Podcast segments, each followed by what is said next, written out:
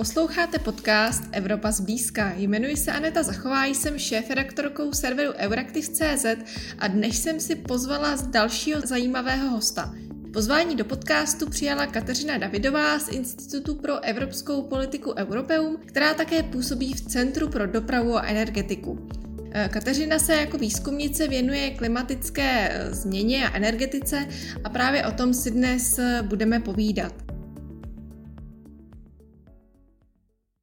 Katko, Evropská unie teď má jakousi novou zelenou doktrínu, které se říká Green Deal neboli Zelená dohoda pro Evropu a vlastně cílem eh, té evropské zelené politiky je dosažení klimatické neutrality do roku 2050.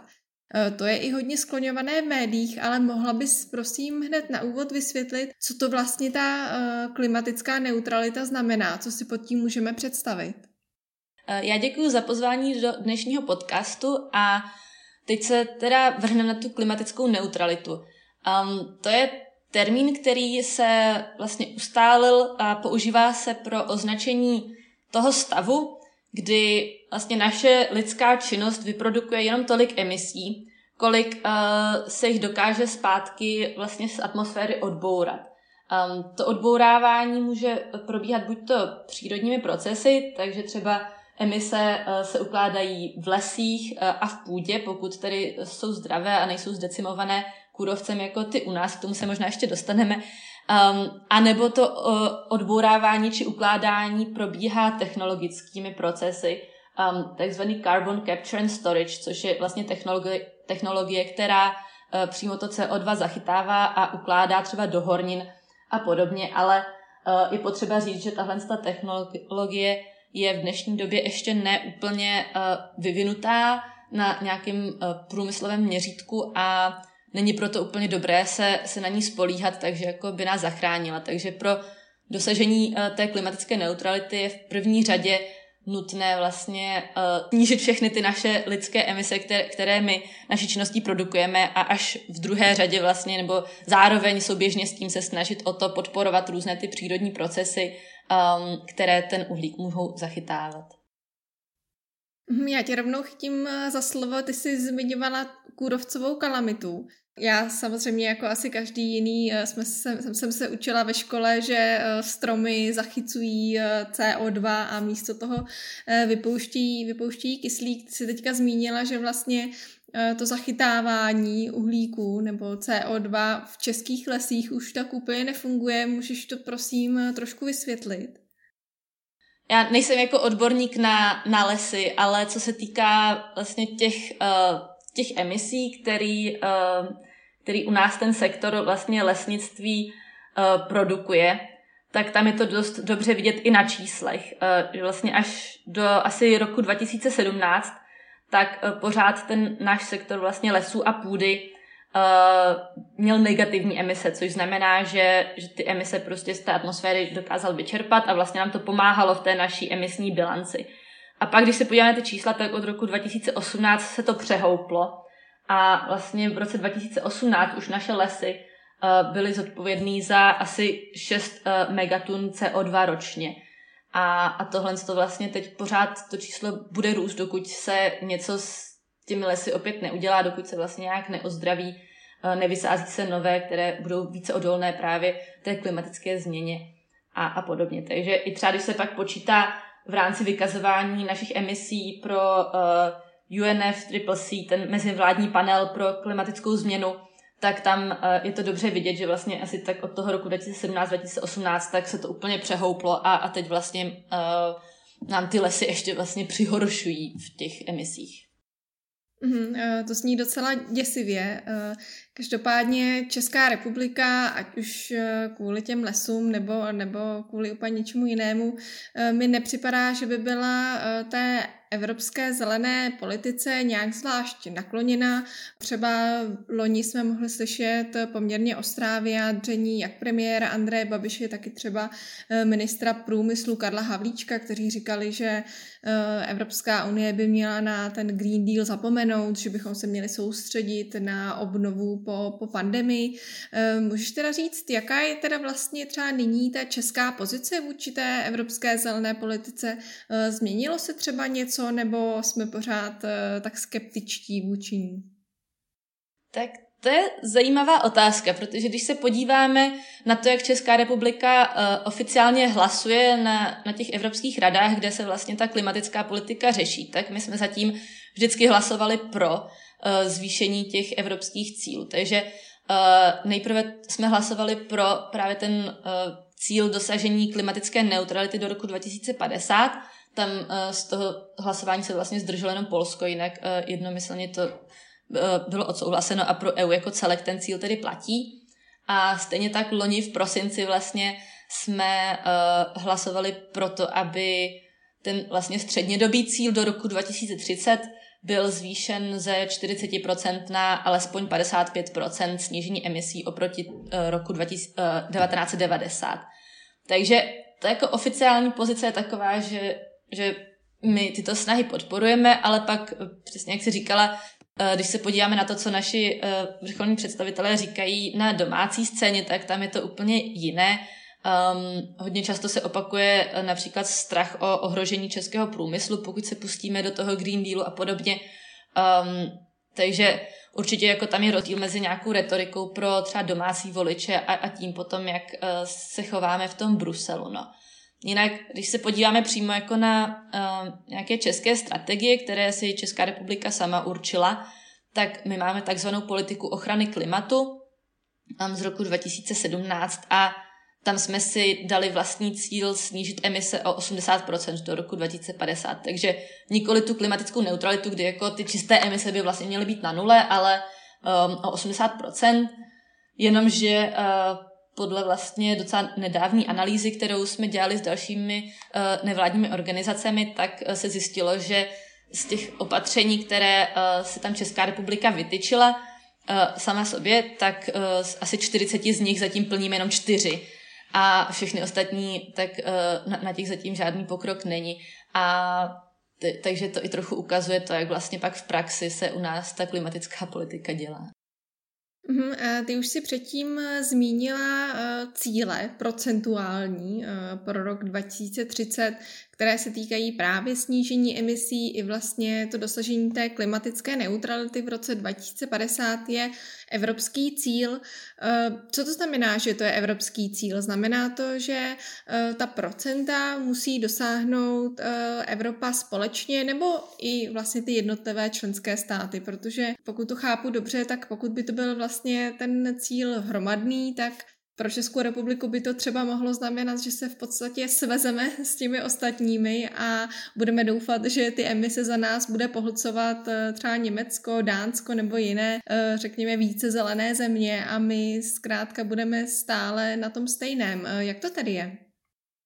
No, je to tak, že ten cíl je pro EU jako celek, takže EU jako celek musí dosáhnout té klimatické neutrality a samozřejmě to znamená, že, že ne všechny státy um, asi budou mít stejné ambice a dosáhnou vlastně stejného snížení emisí. Je to, je to daný prostě jejich uh, strukturu ekonomiky, jejich uh, výškou HDP a podobně. Um, jsou vlastně ro- rozdělené ty cíle jednotlivě pro, pro ty jednotlivé státy. Takže Česká republika uh, v důsledku nemusí sama dosáhnout té klimatické neutrality, ale samozřejmě by měla přispět uh, nějakou odpovídající mírou k tomu celoevropskému cíli. Nemůžeme si myslet, že to za nás odtáhnou uh, severské státy a, a Německo.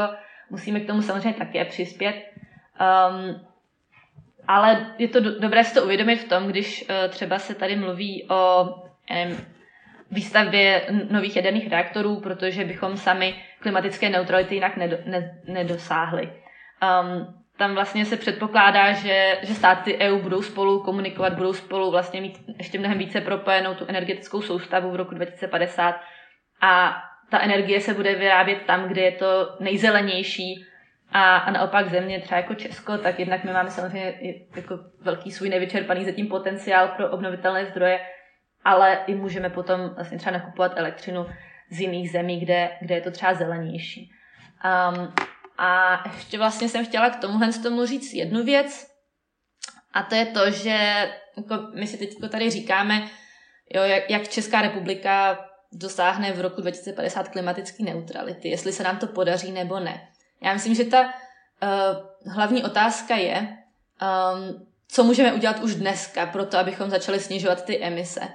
Jo, nemá moc smysl čekat do roku 2049 a, a pak najednou jako to skrouhnout na nulu, což samozřejmě jako není ani technicky možný, ale ani nemá smysl o tom nějak uvažovat. Ten cíl té klimatické neutrality je tam daný proto, že to má vydat jasný signál všem eh, členským zemím Evropské unie, že tímhle směrem Evropská unie jde a je potřeba se na to nastavit už teďko. A my, když bychom v roce 2050 byli poslední ekonomika, která, uh, já nevím, nedej bože, ještě pořád pálí uhlí a nebo má prostě ho, hodně emisně náročné průmyslové procesy, tak to pro nás nebude vůbec žádná výhoda, protože zůstaneme vlastně osamoceni a nebudeme mít tu konkurenceschopnost, uh, o kterou nám tady hodně často jde.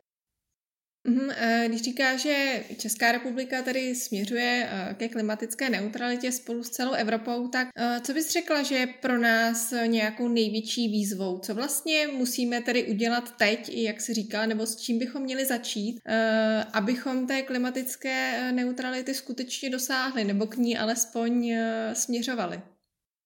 Tak pro Českou republiku je jako primární to, že musíme snížit naše emise v energetice. Um, dost často se tomu říká takzvaný low hanging fruit, jako to ovoce, co vysí nejníž, protože pro nás to vlastně uh, bude celkem jednoduché, nebo nechci říkat jednoduché, ale uh, na rozdíl od jiných zemí, které třeba mají ty emise v jiných sektorech, tak my víme, co je potřeba udělat. Je potřeba odstavit uhelné elektrárny, postupně i teplárny, nahradit ty obnovitelnými zdroji um, a je potřeba elektrifikovat um, ruku v ruce s tím. Takže tohle to vlastně my víme a to je tak program třeba na těch příštích uh, deset let, kdy jako je to docela, docela dané. A potom um, už to bude trošku těžší, protože pak se vlastně dostáváme k sektorům, um, které nejsou tak centralizované, nedají se úplně jednoduše vlastně třeba rozhodnutím vlády nějak řídit. Uh, jsou to třeba sektory jako individuální doprava, um, vytápění budov, uh,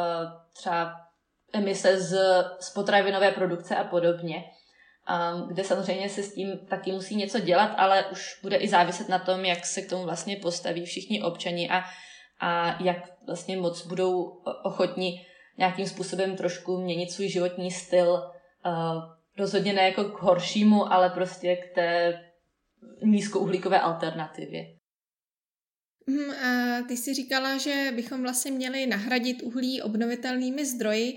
E, předtím si také říkala, že v tom rozvoji obnovitelných zdrojů si v současné době nevedeme úplně dobře. Proč máme takový problém s obnovitelnými zdroji energie? E, souvisí to třeba s takovými těmi nešťastnými událostmi z dob minulých, kdy jsme viděli boom takzvaných solárních baronů. Může to být i tím, nebo čím to zkrátka je, že Česká republika nechce fotovoltaiky fotovoltaiky, nechce větrníky. Já bych možná uvedla tady uh, příklad nebo uh, data z nedávného průzkumu veřejného mínění, který i mě docela překvapily. Um, myslím, že to nechávala zpracovat hnutí Duha a vyšlo jim, že asi 70% Čechů a Češek uh, by si přála, aby uh, vlastně elektřina z obnovitelných zdrojů plně nahradila elektřinu z uhlí, což je podle mě jako docela slušný výsledek a jenom asi 10% těch dotázaných jako bylo úplně nějak zásadně proti obnovitelným zdrojům a, a tomu zbytku to bylo nějak asi jedno, ale jako ten poměr 70 vůči 10 už je asi mnohem větší, než jak by si člověk mohl myslet, když by sledoval pouze třeba debaty mezi politiky nebo jenom eh, výstupy v médiích. Já si myslím, že tam je právě ten problém, proč se tomu u nás nedaří a, a je to nízká politická vůle s tím něco dělat a, a podpořit to, protože přesně jako od těch lidí, co, co nejčastěji se k tomu nějak vyjadřují v médiích, tak by člověk měl pocit, že, že jako v České republice není vůbec žádný potenciál, lidi to vlastně ani nechtějí, um, tak proč jít tím směrem. Ale když se pak podíváme na tvrdá data, tak se ukazuje, že to tak není. My máme stejný potenciál jako třeba sousední Rakousko, které má ale uh, mnohonásobně víc obnovitelných zdrojů energie než my. Uh, máme veřejný mínění, který jako asi se nerovná úplně tomu, co je na, na západě od nás, ale rozhodně už to není tak, jak uh, to asi bylo dřív během třeba toho solárního boomu, kdy opravdu jako to poškodilo tu image těch uh, obnovitelných zdrojů, ale to už se vlastně za, za tu dobu těch více než deset let změnilo. Takže já myslím, že ten největší problém v tom nějakém posunu, tak je nedostatek politické vůle a tomu odpovídající vlastně naprosto nedostatečná legislativa, která by nějak uh, jako systematicky ty obnovitelné zdroje uh, podporovala. No, třeba jako jeden příklad za, za všechny, v loňském roce u nás nebyla postavená ani jedna větná elektrárna a i přesto, že, jako, jak jsem říkala, třeba ten potenciál máme úplně stejný jako v Rakousku, kde jako se staví furt dál a dál a, a u nás je to prostě tím, že, že jak je to současně nastavené, ten legislativní a regulační rámec, tak se to ani nevyplatí tyto projekty stavět. Mm, takže to znamená, že než bychom se přibližovali eh, v tom našem, řekněme, energetickém mixu třeba Rakousku, tak eh, spíš táhneme pro vás, eh, bych řekla, třeba s Polskem, které samozřejmě je na tom uhlí mnohem více závislé než Česká republika. Každopádně takový tandem Česko-Polsko, už co jsem třeba měla šanci pozorovat, se stal takovou tradicí třeba na různých evropských radách, kde se setkávají vlastně lídři eh, států Evropské unie, že zkrátka Česko a Polsko jsou vždycky takový ti, co jsou nejvíce opatrní právě při nastavování těch různých klimatických cílů. Myslíš si, že je to pro nás jako výhodná strategie takhle držet ruku v ruce s Poláky? Já si myslím, že to úplně výhodná strategie není. Um, jednak, jak jsi říkala, tak jako Polsko má ještě mnohonásobně větší uh, procentuální zastoupení toho uhlí ve svém energetickém mixu. A od toho se odvíjí celá ta jeho strategie, kdy oni vlastně chtějí um, jako výměnou za nějakou svoji podporu vyšším ambicím získat co nejvíc evropských financí na tu svoji transformaci. Um, a my jsme tady v tom spíš takový jako uh, přisluhovači, bych řekla, protože zatím se mi úplně nezdálo, že bychom měli nějak jasně vymezený ty naše priority, na co třeba chceme ty finance získat, um, co bychom s nimi chtěli dál dělat a podobně. Třeba jako v Polsku, tak tam ten rozvoj obnovitelných zdrojů už teď jede mnohem rychleji než u nás. I přesto, že pořád mají hodně toho uhlí, tak ale jako ten trend do budoucna tam uh, na to naskočili mnohem rychleji než u nás. Zatímco u nás mi to přijde, že to je hodně často spíš daný nějakou asi setrvačností, jako toho, že, že třeba Vyšegrádská čtyřka drží spolu a podobně, takže tam jako dost často my podporujeme tu polskou pozici, ačkoliv pro nás to není úplně uh, to nejvýhodnější. A já myslím, že tady pro nás by bylo důležitý v těch vyjednáváních a podobně mít na paměti, že my jsme exportně zaměřená ekonomika. 80% našeho exportu jde na evropský trh který uh, teď dává jasný signály, že, že bude čím dál tím více zelený. Ta poptávka po jako nízkoemisních výrobcích a takhle, tak uh, ta poroste. A na druhou stranu ty procesy, které jsou vysoce emisně náročné, tak budou penalizovány čím dál tím více rostoucí cenou povolenky uh, nebo i d- dalšími vlastně nějakými návrhy, co, co teď jsou v procesu. Takže pro nás, pokud chceme si tu konkurenceschopnost udržet, tak by naopak jako dávalo smysl uh, možná po vzoru Polska snažit se jako mít na to ty prostředky na tu transformaci a efektivně potom využít, což jako u nás ten druhý krok bývá dost často problém. Um, jo, je to třeba teď vidět na tom plánovaném uh, plánu obnovy po pandemii, tak tam vlastně zatím ty české plány vypadají tak, že tím chceme zalepit díry ve státním rozpočtu, uh, dát ty peníze do, do dálnic a, a podobně nebo bláznivých kanálů a tak. A, a přitom jako to řešení tady opravdu je, nemusíme jako vynalézat kolo znova, prostě stačí ty investice dát do těch obnovitelných zdrojů, um, ideálně třeba ještě podpořit energetické komunity a energetické úspory a, a dohromady s tím my bychom vlastně mohli těch emisí snížit uh, poměrně rychle, podle, poměrně hodně. My jsme tady hodně skloňovali Polsko a vlastně tak ten česko-polský tandem. Jak jsou na tom třeba Slováci? Protože víme, že také to občas, řekněme, pečeme se Slováky, nebo hodně často se koukáme eh, právě i k těm našim eh, východním sousedům. Eh, já jsem zaznamenala, že třeba Slovensko se chce mnohem dřív zbavit těch uhelných elektráren, i když tam vlastně ten problém jakoby není tak velký jako u nás a už vůbec ne, tak jako, tak jako v Polsku. I jsem zaznamenala třeba prohlášení slovenské prezidentky Čaputové, která je řekněme, hodně eh, zelená. Můžeš nějak přiblížit víc tu, tu situaci na Slovensku? Jak jsi říkala, vlastně to Slovensko je teď vnímáno jako progresivnější hráč, eh, co se týká klimatické politiky na půdě Evropské unie.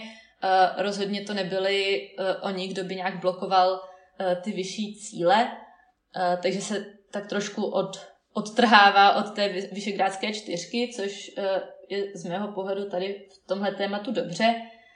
Um, je to hodně dáno právě osobností eh, prezidentky Čaputové a její symbolickou rolí. A, ale nejenom symbolickou, ona vlastně jako i, um, i ta její vláda už uh, má spoustu jako plánů a, a kroků k tomu, aby ty emise snižovala rychleji, než jak to bylo plánované. Konkrétně třeba ten odklon od uhlí tam uh, jako nabral obrovskou rychlost a, a už jako jsou teď napřed třeba před Českou republikou, ale přesně je nutno říct, že u nich to uhlí nehrálo zas tak zásadní roli uh, v tom energetickém mixu a i vlastně regionálně se jedná jenom o jeden region, zatímco my máme třeba tři, takže je to pro ně o něco snažší. Uh, oni budou mít největší problém vlastně s dekarbonizací průmyslu, tam je velký automobilový průmysl, který je zodpovědný za hodně emisí, ocelářský a, a další hodně vlastně emisně náročné průmyslové výroby, takže tam to pro ně bude asi největší oříšek, ale v poslední době se, se dá říct, že třeba z toho středoevropského regionu jsou, jsou jedni ze šampionů, ačkoliv ještě k tomu chci dodat, že jako nemůžeme jenom uh, chválit, když uh, se třeba podíváme na, na rozvoj obnovitelných zdrojů a a na to, jak eh, země plánují ten rozvoj v příštích deseti letech, tak Slovensko je na tom úplně nejhůř vlastně ze všech členských států. Česká republika je druhá nejhorší, že vlastně do příštích deseti let chceme uh, vyvinout úplně nejmenší uh, vlastně procento obnovitelných zdrojů z celé Evropské unie. Takže um, jako určitě na nějaké symbolické a, a nějaké jako politické úrovni je Slovensko uh, více progresivní, ale, ale není to tak zatím úplně všude. Mhm, a když už jsme v tom, v tom Vyšegrádu, i když teda, jak eh, teďka jsme se dozvěděli, tak eh, ta pozice těch vyšegrádských zemí není úplně jednotná k té klimatické agendě, ale eh, když už jsme tady v tom středoevropském prostoru, tak mohla bys i přiblížit situaci v Maďarsku. Přece jenom Maďarsko je vůči všem evropským politikám občas trošku vyhraněné. Je to podobně i u těch klimatických otázek? Ta otázka Maďarska, co se týče klimatu, je uh, opravdu zajímavá, protože, jak jsi říkala, oni jako dost často jsou pro, proti všem možným návrhům. Uh, je tam samozřejmě ten konflikt, co se týká uh, právního státu a, a konfliktu zájmu uh, premiér Orbána a podobně, ale když se podíváme na otázku uh, klimatu, tak vlastně Maďarsko všechny ty uh, evropské iniciativy, co se týká Green Dealu, uh, zelené obnovy pandemii, klimatické neutrality a podobně, tak Maďarsko je podporuje. A, a poměrně jako hlasitě uh, je jedna možnost, proč tomu tak je, je, že uh, právě Orbán si uvědomil, že jako ta otázka klimatu by mohla být tou, která mu přihraje voliče mezi, mezi mladými lidmi. Protože Fides vlastně si mezi mladými lidmi nevede vůbec dobře a uh, co se týká toho klimatu, tak vlastně to je jedno z témat, které vlastně by mu mohlo tu popularitu tam u nich zvýšit. To je jeden důvod. A druhý důvod, uh, asi ještě důležitější, je ten, že, že Maďarsko nemá zase až tak vysoce emisně náročnou en- e, ekonomiku ani energetiku jako zbytek Vyšegrádské čtyřky. Um, mají tam ta- taky vlastně uh, uhelné elektrárny, ale ty už teďko plánují odstavovat a jinak vlastně, co se týče průmyslu, tak tam vůbec nemají takový problém jako třeba Česká republika a Slovensko. Takže pro ně je to poměrně snadné um, jako být, uh, být pro tyhle ty zelená témata a, a trošku si tím polepšit uh, v těch očích vlastně ostatních členských států a Evropské komise uh, oproti těm ostatním problematickým agendám, které, které Maďarsko má. A vlastně třeba i Maďarsko už přijalo svůj vlastní zákon na dosažení klimatické neutrality do roku 2050 jakožto Maďarsko, takže v tom jsou uh, třeba oproti nám napřed. Ale jak říkám, vlastně ta re- realita je tam uh, pro ně trošku snaží, co se týká uh, plnění těch emisních cílů. Mm, a ty jsi vlastně zmínila mladé lidi eh, v Maďarsku a já už mám pro tebe asi poslední, poslední otázku a ráda bych se vrátila zase zpátky domů do, do České republiky. Eh, ty jsi zmiňovala i průzkum eh, mínění, vlastně, že lidé jsou více nakloněni obnovitelným zdrojům energie, než, než to bylo dřív. Co si Češi myslí o třeba změnách klimatu? Myslíš si, že třeba už i u nás se objevují, řekněme, skupiny mladých lidí nebo nejen mladých lidí, ale ale lidí, kteří skutečně tu, eh, ten problém berou vážně, vážněji třeba než, eh, než předešlé generace a chtějí s tím něco dělat. Pozoruješ něco, něco takového i v České republice? Jako určitě pozoruju posun za, za posledních pár let, že vlastně se to téma dostává uh, stále více do mainstreamu, a stále více lidí i vlastně to v těch průzkumech vychází, tak to považuje za, za zásadní problém nebo jeden ze zásadních problémů. Um, zejména je to vždycky poznat uh, hlavně v letních měsících, když se dělají průzkumy a, a když uh, je třeba to dlouhodobé sucho, které opravdu jako už uh, Češi můžou cítit na, na vlastní kůži, tak, tak v té době vlastně t, ten strach nebo nějaký ten uvědomění si toho problému tak, tak je vyšší. Um, úplně z těch průzkumů zatím, co jsem aspoň viděla, tak nevychází, že by mladším lidem na tom záleželo nějak o moc víc než jiným vlastně generacím. Zatím se zdá, že, že jsou tam jako jiné, um, jiné faktory, které jsou asi důležitější, co se týká toho, jak to vlastně uh, Češi vnímají. Ale průběžně, co tak jako sleduju, tak, tak ty čísla jsou poměrně vysoká. Je to jako určitě nadpoloviční většina Čechů a Češek si myslí, že změna klimatu je problém a že by se s tím mělo něco dělat. Pak vždycky záleží na tom, jak se to zrovna rámuje ta otázka, jako třeba kdo by s tím měl něco dělat, jestli eh, vláda, Evropská unie nebo oni sami a podobně. Um, dost často jako se tam pak objeví to, že sice uh, je to pro nás problém, ale už uh, nejsme úplně ochotní za to platit víc peněz, třeba za, za nějaké produkty, které by byly zelenější a, a máme i starost o to, aby vlastně v důsledku třeba toho Green Dealu jsme nepřišli o, o nějaká pracovní místa v těch odvětvích, která vlastně už uh, budou končit, jako je třeba ten uhelný průmysl. Takže důležité vlastně tyhle ty věci dost s lidma komunikovat a vysvětlovat, že, že ten Green Deal opravdu není o tom, že by uh, byla nějaká jako radikální ztráta pracovních míst, bude to spíš o tom, že se přesunou do jiných sektorů a, a bude pak důležité vlastně podporovat uh, nějaký jako reskilling, takže nabití nových uh, jako schopností, zkušeností a, a dovedností u těch zaměstnanců, aby mohli pracovat v těch uh, více zelených odvětvích. Mhm, Děkuji moc za poměrně pozitivní závěr, za takový výhled do budoucna. Eh, Děkuji moc, eh, Katko, za eh, celý rozhovor. Doufám, že to bylo pro naše posluchače podobně podnětné jako pro mě. Děkuji i našim posluchačům za pozornost a budu se těšit dalšího dílu podcastu Evropa zblízka. Děkuji za pozvání.